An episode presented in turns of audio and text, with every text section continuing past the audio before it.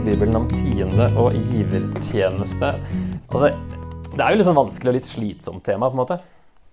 Um, og det har vært mye manipulasjon på det området her, og, og snakk om eh, ja, liksom dårlige grunner for hvorfor man skal gi. Um, er det å gi mindre enn 10% Er det å stjele fra Gud, f.eks.? Uh, gir vi for å bli velsigna tilbake? Um, åndelig eller materielt? Uh, og under korona så var det også en som uh, tilbød koronaimmunitet for en viss sum penger på TV. så det, det, kan dras litt langt, det her, da. Og det her er bare noen punkter som jeg tenkte Jeg kan ikke si, snakke om alt uansett. Um, så jeg har ikke gått gjennom alle vers i Bibelen som angår dette her, men det blir noen ting, da, det er ganske mye, som angår dette her i Bibelen. Fordi i en bok som er helt fantastisk, som heter The Infographic Bible, som jeg kom over uh, tilfeldig på en bokstand og følte bare ble fylt av ånden når jeg så den boka. For det var, det var altså så mye gøy inni den. F.eks. her. 50 top subjects Jesus taught on. Og da ser vi ikke sant, Så er det masse info på hver side. Um, og da ser vi at uh, hvis vi zoomer inn her, at uh, penger er på fjerdeplass. Rett over Satan.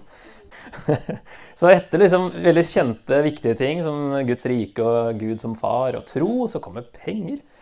Så det er tydeligvis uh, noe Jesus snakker en del om, da, ifølge denne boka. i hvert fall. Og tiende er jo en del av dette bildet her, da. Så jeg har noen punkter vi skal gå gjennom. Første punktet er Abraham, som ga tiende til Melkisedek i første Mosebok 14. Det er liksom første gang vi hører om tienden. Og det er jo før Mosloven, for liksom, tienden var jo en del av Mosloven. Men her er jo plutselig tienden liksom tidlig. Eh, og spørsmålet har da vært liksom, betyr dette at tienden er en tidløs sannhet, siden det skjer før Mosloven? Jakob lover også å gi tiende av alt Gud gir ham i første Mosebok 28. Det har vært et eh, argument at uh, tiende, det må vi for det var hele veien fra før Moseloven også. Men nå har det seg sånn at uh, tiende fantes utenfor Israel også. F.eks. i Babylon og Persia og Hellas og Egypt og Kina, faktisk. Og lignende praksiser hadde de også i Arabia, Fønikia og i Romerriket. Og det her er jo før Israel også, det som skjer her, med Abraham. Så det er jo tydeligvis liksom Eh, det virker som en praksis, da, og det har vi funnet at det var det andre steder òg. Det er ingen forklaring her hvorfor Abraham gir tiende til Melkisedek. Det virker liksom bare som en naturlig ting å gjøre for en som en, Fra en lavere til en høyere, da, som eh, Hebreerne 7 snakker om den historien her. Og, og sier liksom at Melkisedek velsigna Abraham, og det er alltid den større som velsigner den lavere. og sånne ting. Så det er kanskje da det samme med tienden gikk liksom andre veien. Uh, uansett da, så er den teksten her ikke nok til å konkludere med at tienden er tidløs fra Guds side, men at det var en gammel praksis i mange kulturer den gangen. Så det er første punkt. Jeg har sju punkter for å være liksom bibelsk og fullstendig. Uh, siste punktet er liksom hva gjør vi?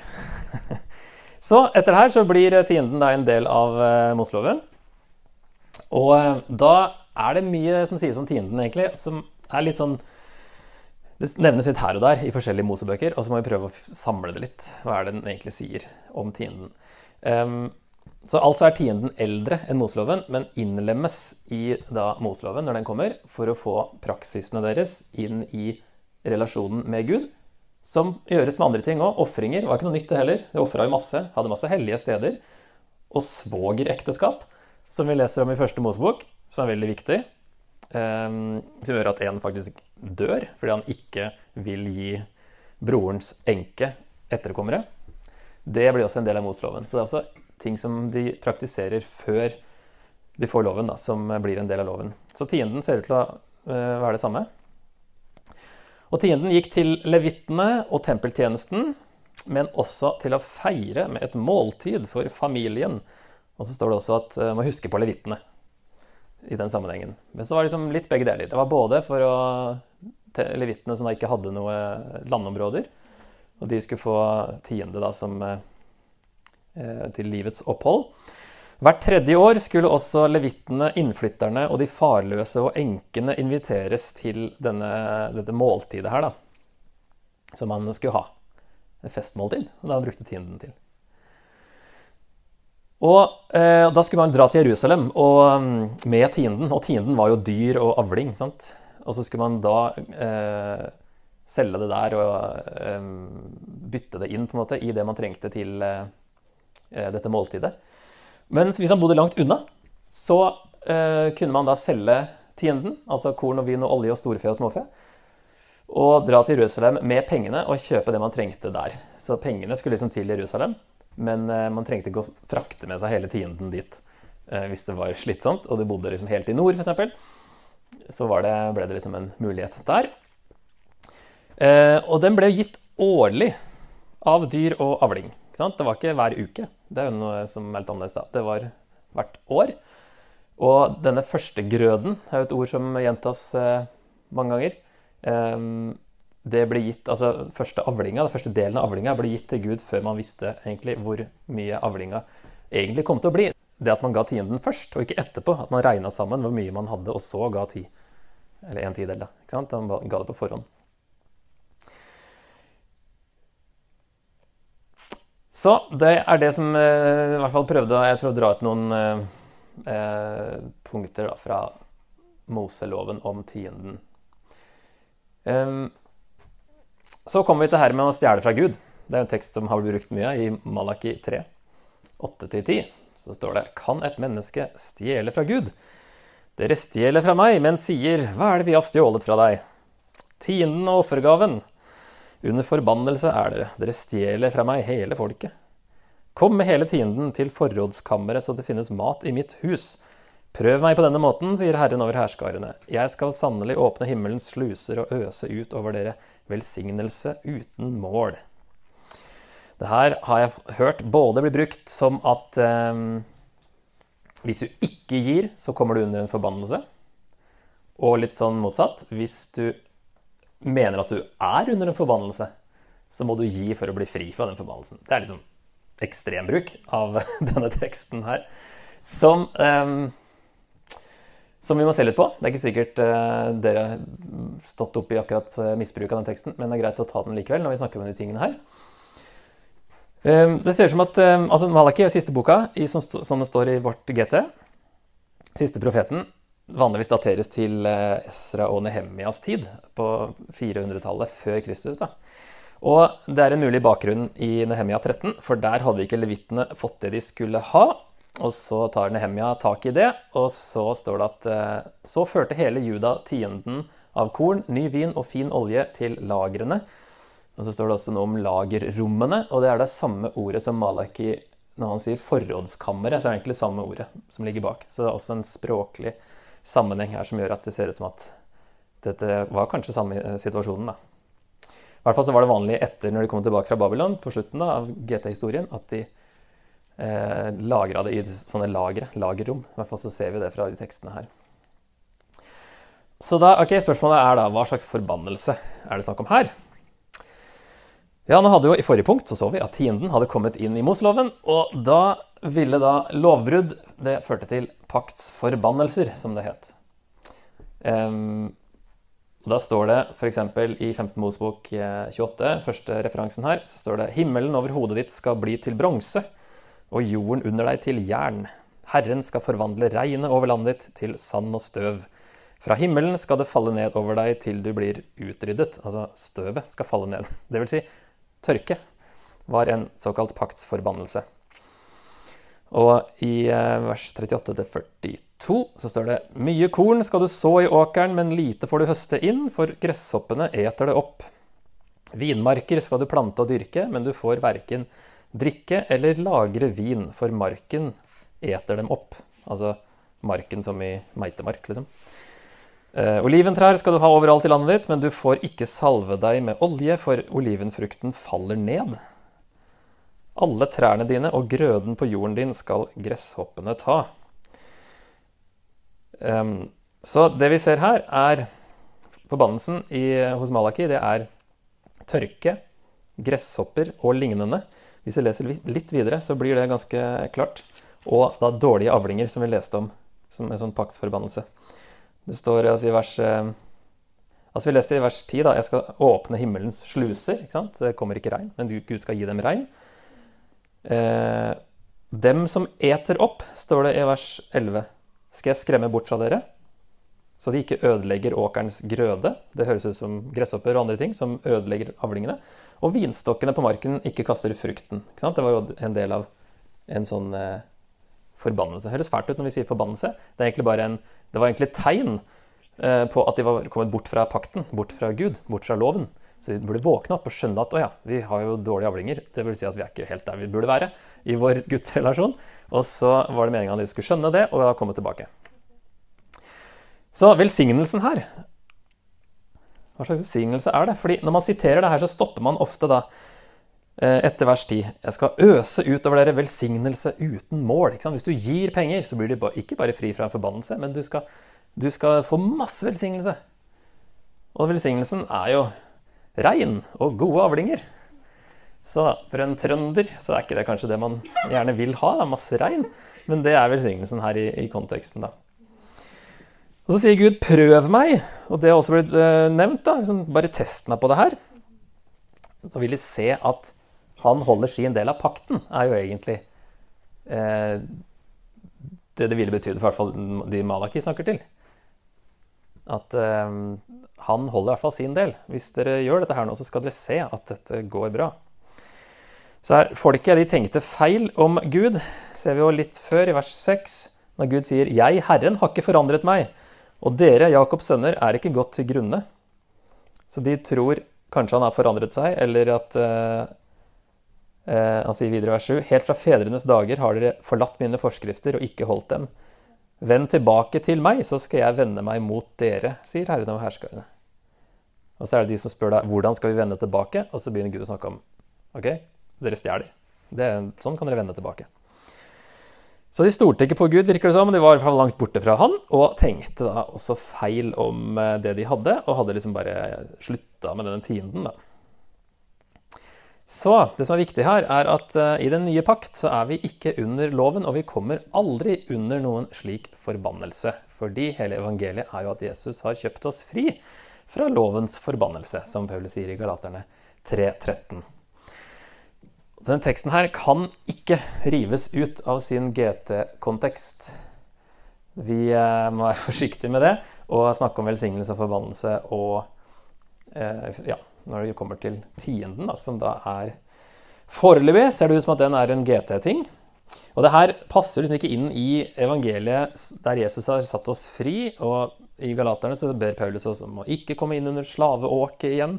Så det er veldig merkelig om det her skulle vært en av liksom noen veldig få konkrete bud som kristne må passe godt på å følge. Ellers så ryker velsignelsen. Det, det skurrer kraftig hvis man ser på helheten. Ok, da kommer vi til Jesus. da. Hva sa Jesus om tienden? Han nevner det når han refser fariseerne i Matteus 23. Ved dere, skriftlærde og fariseere, dere hyklere. Dere gir tiende av mynte og anis og karve, men forsømmer det som veier mer i loven, rettferdighet, barmhjertighet og troskap. Det ene burde gjøres, og det andre ikke forsømmes. Og så har man tenkt at Jesus sier at vi burde gi tiende. Han sier det her. Um, så han refser fariseerne for å være hyklere når de gir tiende til og med av urter og krydder. Det er liksom helt ned til de minste tingene de gir de tiende, men ikke bryr seg om de viktigere poengene i loven. Eh, og det her med at tienden var jo for de fattige, og de bryr seg ikke om de fattige, men de gir tiende. ikke sant? Du skjønner ikke den sammenhengen der. Hengt seg opp i konkrete budet. Samme i lignelsen om eh, han eh, fariseeren og tolleren da, i Lukas 18. Så sier han fariseeren at 'jeg gir tiende av alt'. Det er han veldig stolt av, og det hjelper jo ingenting på rettferdiggjørelsen. Så Jesus han nevner det da når han snakker om fariseerne, og refser dem, da, både Matteus og Lukas, og så i den Lukas 18-lignelsen.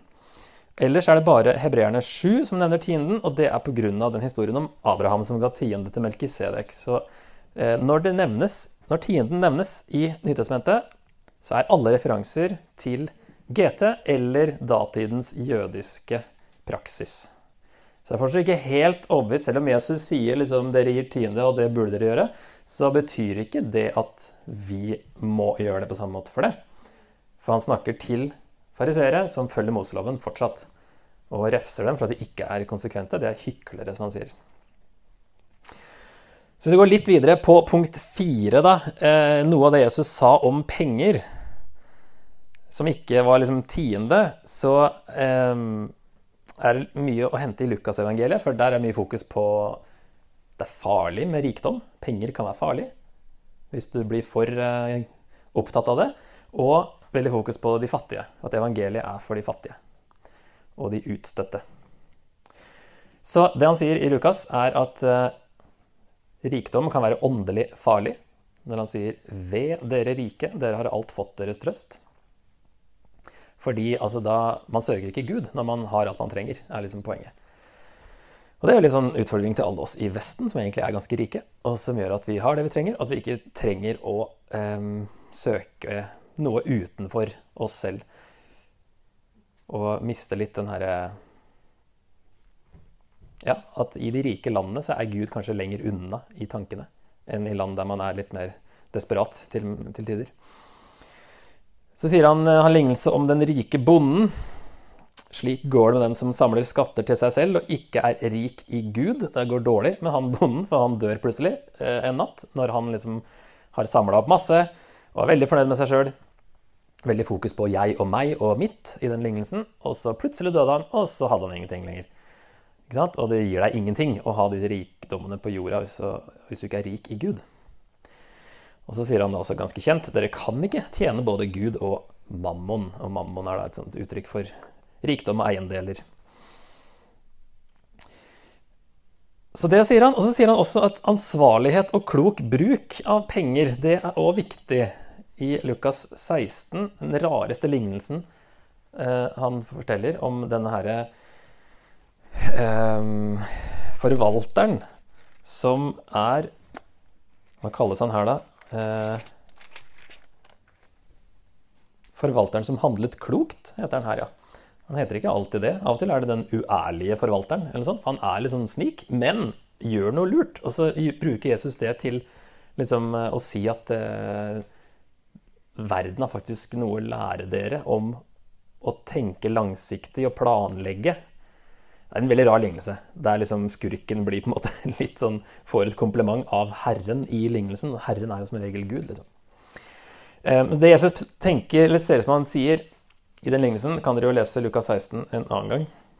Men det Serman sier der, er at eh, det lønner seg, eller det er, en eh, god ting da, å være sjenerøse og investere i Guds rike. Um, og at god håndtering av penger er tegn på at vi kan forvalte ting i Guds rike. Jeg kan lese 9-12, de som jeg har på skjermen her. Jeg sier dere, skaff dere venner ved hjelp av den uhederlige mammon, så de kan ta imot dere i de evige boliger når pengene tar slutt.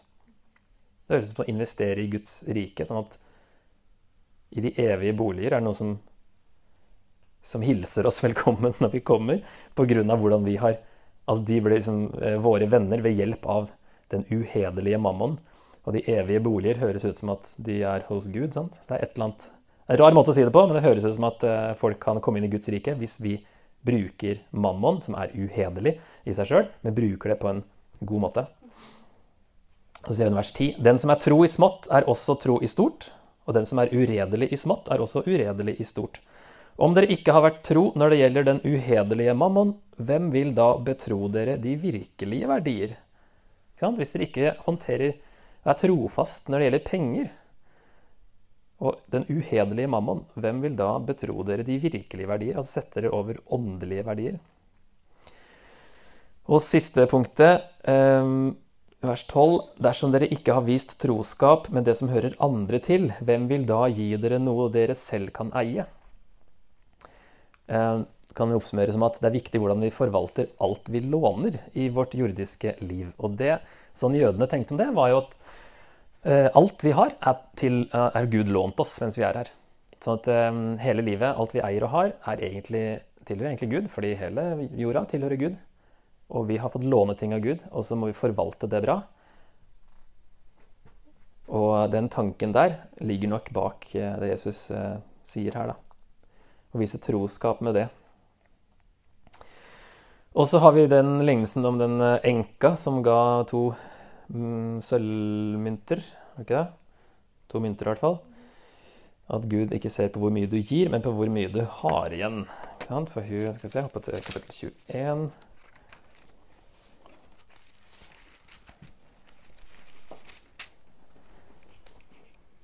Så ja, to småmynter, står det. Um, og han sa, sannelig, jeg sier dere, denne fattige enken har gitt mer enn noen av de andre. For alle de andre ga gaver i kisten av sin overflod, men hun ga av sin fattigdom alt hun hadde å leve av. Så det handler altså ikke om pengesummen. Det er kanskje obvious. Så det sa i hvert fall Jesus. Han sa litt forskjellige ting om penger. Det kan være farlig, og vi må være ansvarlige. Og så um, handler det flere ting som kommer helt på slutten. Men det handler også da om å være rik i Gud. Um, ikke samle skatter til seg selv. Han snakka om det som jeg har i verset på slutten her, med å samle skatter i himmelen. Det er jo egentlig det samme der. Og at det ikke går an å tjene begge deler. Vi må være litt på vakt med at det blir for viktig for oss. Ok, Hva gjorde de første kristne? Hva vet vi om de? Når det kjente vers der i Apostelens gjerninger 2, så det står at alle de troende holdt sammen og hadde alt felles. De solgte eiendommene sine og det de ellers eide, og delte ut til alle ettersom hver enkelt trengte det. Det står det nesten det samme da, i kapittel 4. Alle de troende var ett i hjerte og sinn, og ingen regnet det de eide, som sitt eget. De hadde alt felles. Ingen av dem le Koselig. Ja. Ingen av dem led nød, for de som eide jord eller hus, solgte det og kom med pengene og la dem for apostlenes føtter. Så fikk hver enkelt tildelt det han trengte. Her leser vi heller ingenting om tiende, og de forholder seg heller ikke til levittene, som var jo en del av tiendepraksisen. sant? De hadde ikke noe, eh, holdt ikke på å ofre i tempelet nå. Men de går mye lenger. De har alt felles. Mye lenger enn tienden. Og de tar vare på alle i fellesskapet, som jo var poenget med tienden. ikke sant? At levittene og de fattige og utstøtte, si, enker og farløse og sånn, skulle få mat og få det de trengte. Så her gjør de det som tienden på en måte la opp til, um, uten å forholde seg til akkurat det prinsippet. da. Og så er det jo det at Lukas, som skriver Apostelens gjerninger, han forteller jo egentlig bare hvordan de gjorde det i Jerusalem. Han sier jo ingenting om at de gjorde det overalt når han skriver om andre steder i Romerriket i Apostelens gjerninger. Og heller ikke at dette var en praksis alle skulle ha. Nå sier jo ikke han veldig mye om hva man burde gjøre, men det er jo mange som tenker at uh, vi må gjøre det akkurat som de gjorde i Apostelens gjerninger. Men akkurat det her er det veldig få som praktiserer. Da blir det fort en sånn sekt ut av det, hvis man bor sammen og har alt felles. Og Det er vanskelig å praktisere det her på globalt nivå uansett. Men det er et sterkt vitnesbyrd om fellesskapet i en kollektivt tenkende kultur. Vi tenker jo ikke så kollektivt, men det gjorde de. Og tenkte at det her er jo kjempenaturlig. Nå er vi en familie. Nå må vi nå utvides liksom familiebegrepet. Og da har vi alt felles. Og det Jesus sa i Johannes 13 og 17 om at eh, kjærligheten eh, hans disipler skal ha til hverandre, og den enheten de har til hverandre, at det skulle være et vitnesbyrd for verden. Eh, for det, det skulle i hvert fall være noe som skulle overbevise verden om at han var Guds sønn, sier han, når de får se den kjærligheten og den enheten. Og det står i Apostelens gjerninger 2,47.: De sang og lovpriste Gud og var godt likt av hele folket, og hver dag la Herren til nye som lot seg frelse. Så det så ut til å funke. Hver dag la Herren til nye som lot seg frelse. Ok, Og så kommer vi til Paulus sin kollekttale i 2. Korinterbrev 8 og 9. Der er jo kanskje der vi Altså, Hvis vi snakker om tiende og givertjeneste og sånn, så må vi se på de to versene her, for der er det jo egentlig mest å hente. Um, det ser ut som jeg har tid til å lese litt derfra. 45 minutter sto det på planen at jeg kunne få snakke. Men snakka i 23, ser det ut som, så det er bra. Ok, for her er det da innsamling til menigheten i Jerusalem. Jeg leser lese litt fra, eh, fra de kapitlene her. Vi vil nå gjøre kjent for dere, søsken, hvor stor nåde Gud har vist menighetene i Makedonia. Jeg skal klikke fram det her underveis, så vi ser. Han starter med å snakke om nåde, og han avslutter med å snakke om nåde. I eh, vers 14 og 15 kapittel 9 de vil be for dere og lengte etter dere fordi Gud har gitt dere denne overveldende nåden. Gud være takk for sin usigelige gave, som også er et ord som er beslekta med nåde. Så det ser ut som han, når Paulus skal snakke om å gi penger Han vil oppfordre da korinterne De har egentlig sagt før at de skal være med og gi gave til eh, altså de sultrammede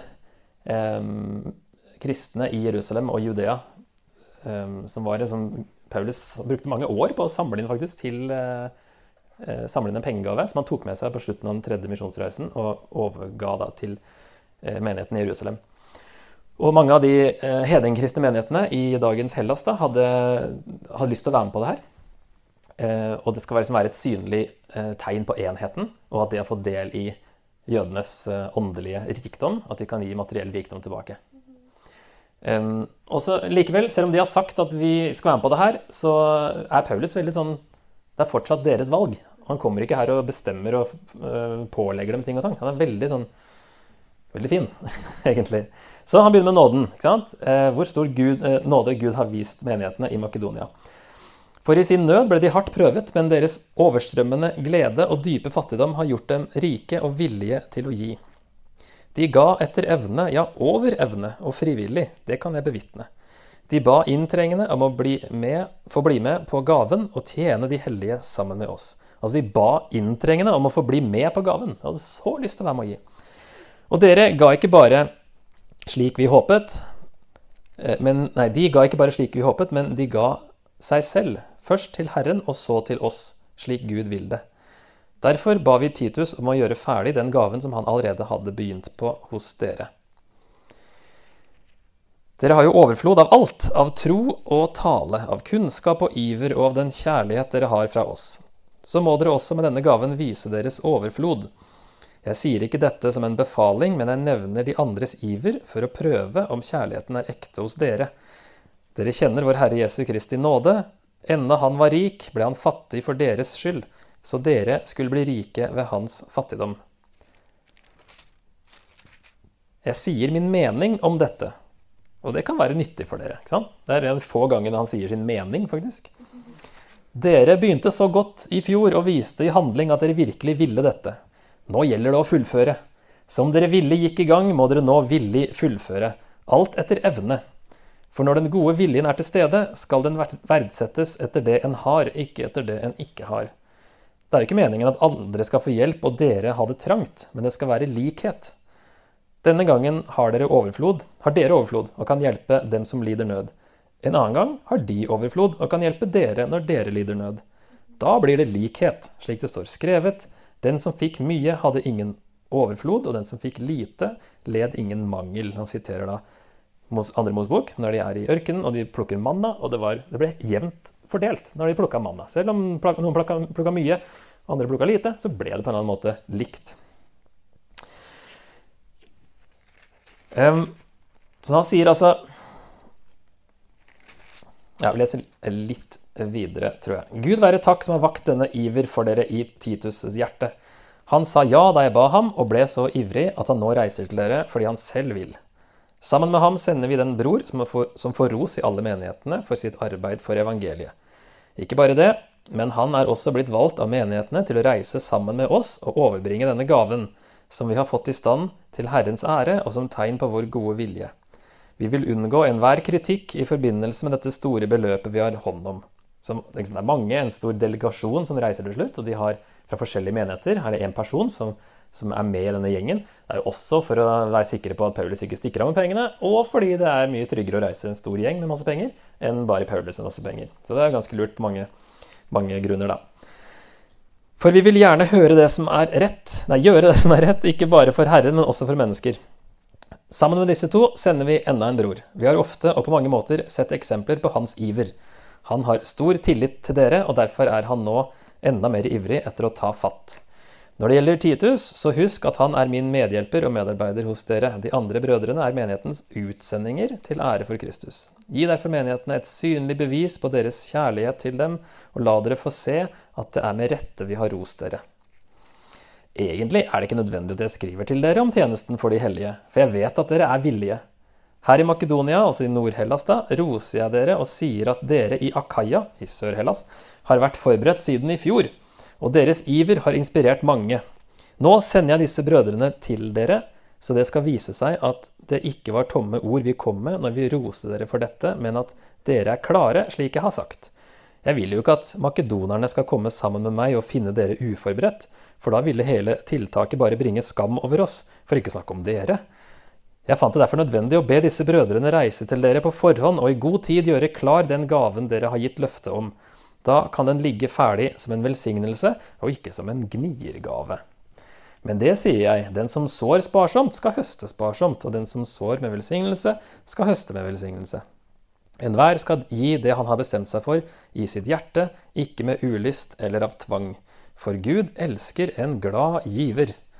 Og det tok mange år før jeg liksom helt skjønte hva Paulus mente der. Fordi jeg forsto det som at vi skal gi så det svir, men vi bare husker på å smile mens du gjør det. Liksom. For Gud elsker en glad giver. Men, men, det er jo egentlig at du skal ikke gi når smilet forsvinner. Da er du ikke en glad giver lenger. Du, ikke gi så mye at, så mye, du vil egentlig ikke gi så mye, og du klarer ikke å gi så mye. Gud elsker en glad giver. Det er poenget at du er glad når du gir. Og Gud makter å gi dere all sin gave i rikt mål, så dere alltid og under alle forhold har nok av alt, og har overflod til all god gjerning. For det står skrevet, han strødde ut og ga til de fattige, hans rettferd skal alltid vare. Han som gir såkorn til dem som skal så, og brød til å spise, han skal også gi dere såkorn og la det bære rikelig, og la deres rettferdighet bære rik frukt. Dere skal ha rikelig av alt, så dere gjerne vil gi. Og så skal takken stige opp til Gud når vi overbringer gaven. For denne tjenesten, denne gudstjenesten, er ikke bare en hjelp for de hellige i deres nød, den skaper også en overflod av takk til Gud. Når dere trofast har fullført tjenesten, vil de prise Gud fordi dere var lydige og bekjente dere til Kristi evangelium og helhjertet delte med dem og med alle. Og de vil be for dere og lengte etter dere fordi Gud har gitt dere denne overveldende nåden. Gud være takk for sin usigelige gave. Ok, Så nå har vi sett, eh, lest to kapitler, faktisk. Det er ikke ofte man gjør. Eh, på, i kirka. Burde egentlig lese ganske mye, men det er sjelden det er så mye. Ok, Jesus, eh, nei, Paulus han fokuserer på Jesus. Det er Jesus som er grunnen her til at de skal gi. Eh, Guds store nåde, det Gud har gitt dem.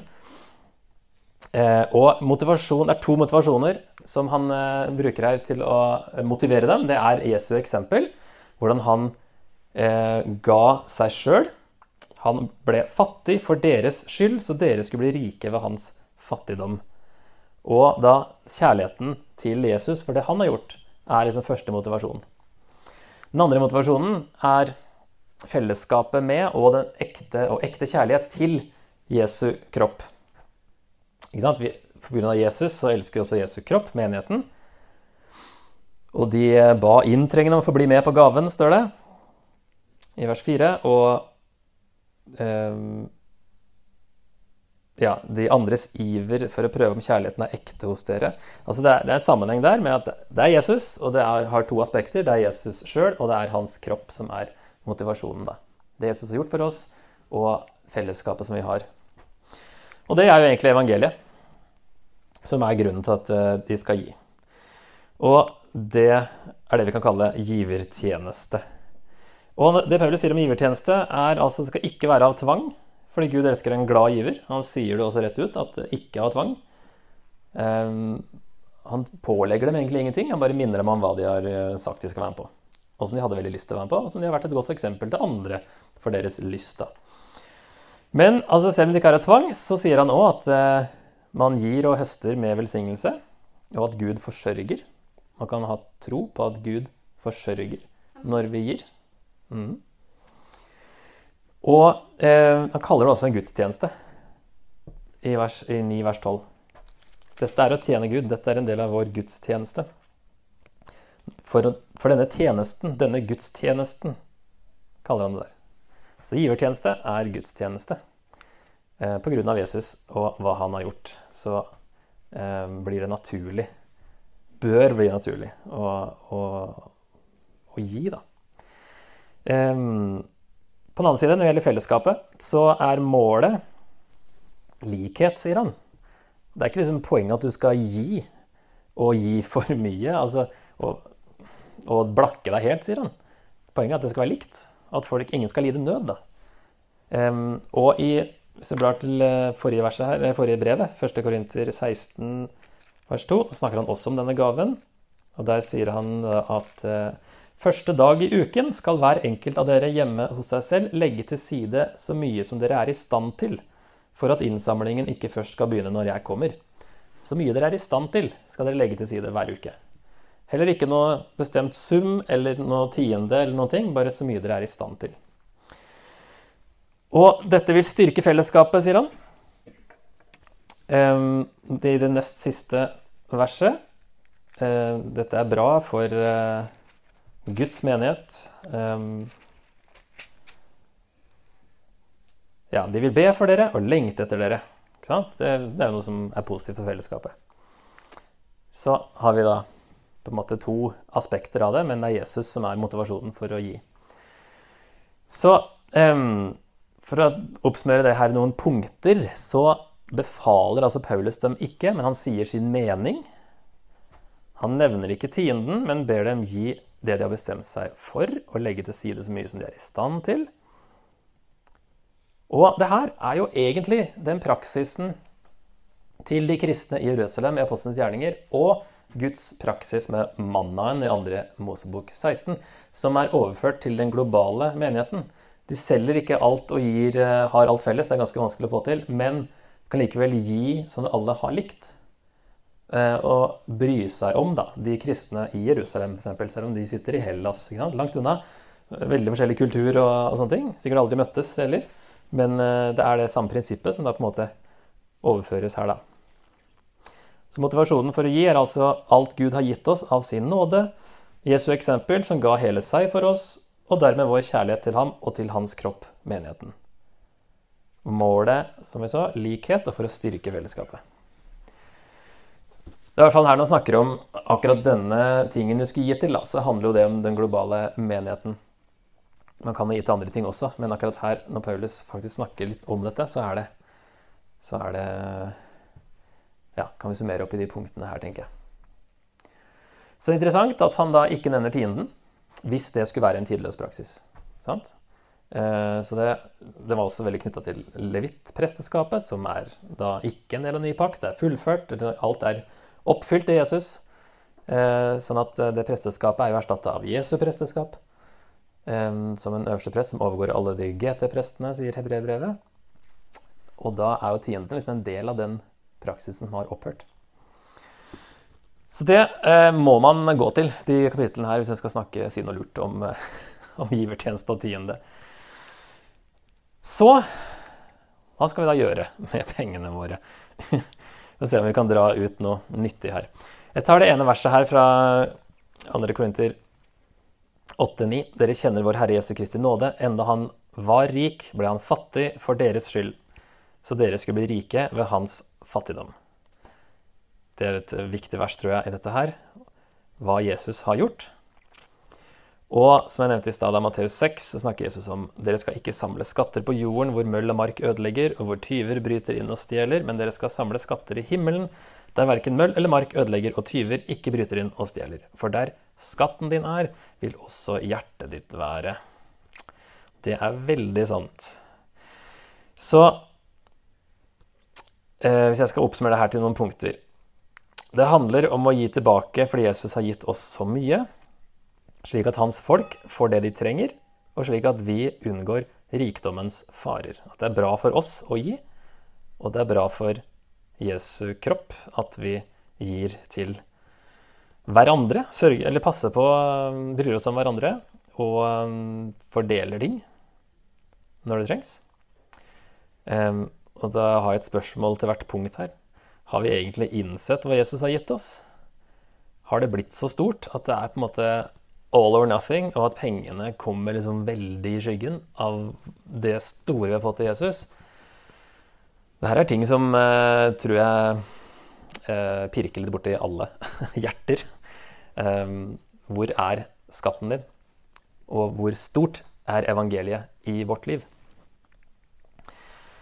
Og som sagt, hele jorden og alt vi har, tilhører Gud, ikke oss. Det er en annen ting som kan røske litt. Ser vi på det vi eier som vårt, eller som at vi forvalter det Gud har gitt oss? Det vil òg være en del av dette ja, svaret. Hva skal vi gjøre med pengene våre? Nå har jeg ikke noe svar, jeg har egentlig bare spørsmål som svar. Eller sånn typisk Jesus, å svare med et nytt spørsmål. Så jeg kan ikke stå her og si hva noen skal gjøre med pengene sine, og stå og formane masse. Eh, og det ser vi at Paulus heller ikke gjør, men han fokuserer på Jesus, og da prøver jeg å gjøre det samme nå. At Jesus, merkelig nok, han har alltid svaret. Jesus is the answer always. Amen. Amen. Til og med når det gjelder penger og givertjeneste og tiende, så er det Jesus, hva han har gitt oss. Og hva gjør vi med det Gud har gitt oss av andre ting. Um, så vil Gud vi skal være glade givere og samtidig uh, utvise en økonomisk ansvarlighet. Hvordan kan vi gjøre begge deler? Hvordan kan vi gi klokt? Ikke gi for mye for at vi liksom vi, eh, Har jo blitt gjort, det òg. Jeg har jo hørt det i mitt lange liv. At noen har liksom Ja, nå, OK, Gud, jeg gir deg de pengene her, men da skal du gi meg masse tilbake. Da skal du velsigne meg masse tilbake. Altså, eller har vi all den, den holdningen, kanskje, selv om vi ikke kanskje sier det høyt? Er det derfor vi gir? Eller Altså, det blir en uansvarlig håndtering av penger hvis vi da liksom bare øser ut eh, fordi vi har liksom en rar motivasjon. Um, så det er liksom Har man familie, så må man forsørge den også, da. Ikke sant? Ikke bare gi bort alle pengene. Det er ganske uansvarlig. Og det er veldig bibelsk å ta vare på familien sin. Paulus sier det er verre enn en uh, vantro hvis du ikke tar, nærme, uh, tar vare på dine nærmeste. Så det er veldig veldig viktig, veldig bibelsk. Så er, hvordan balanserer man de tingene her, og er fortsatt glade når vi gir, og, men at det ikke blir uansvarlig da, når vi gir. Og så så vi at Gud ønsker likhet blant sitt folk, både i andre Mosebok og i Apostelens gjerninger og i andre Korintsbrev. Hvordan kan vi praktisere dette? Det jeg vil fokusere på, da, og lande på tydelig på slutten her, um, for å summere opp det her enda litt mer, så vil jeg bare si um, mindre loviskhet, mer Jesus. Um, egentlig ikke noe loviskhet, bare Jesus. um, og ikke føle på noe sånn Jeg burde, eller jeg, altså et eller annet som et krav som ligger på oss her. Og når, altså penger det er et følsomt tema, og det er vanskelig, og vi, har, uh, vi snakker litt mye om det. Um, men jeg syns det er interessant å se hva motivasjonen bør være. da, At det er Jesus som er motivasjonen.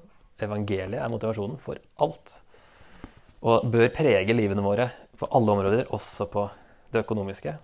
Og hvordan vi behandler, hvordan vi gir tilbake til Gud for det han har gjort. Hvordan vi sørger for andre i hans kropp fordi han har gjort det samme for dem som han har gjort for oss. ikke Vi, noe, vi, har ikke kommet hit vi er, verken i, eh, Guds rike eller i, i verden eh, av egen innsats. Vi har fått talenter av Gud òg, hvis vi er flinke og har liksom en hjerne som har hjulpet oss på en eller annen måte. Så er det det vi har fått av Gud, det òg. Alt tilhører Gud, og vi må ære Gud med hele oss, hele livet. Alt vi er. Um, og det skal da forplante seg ut i pengebruk også, og hvordan vi tenker om det.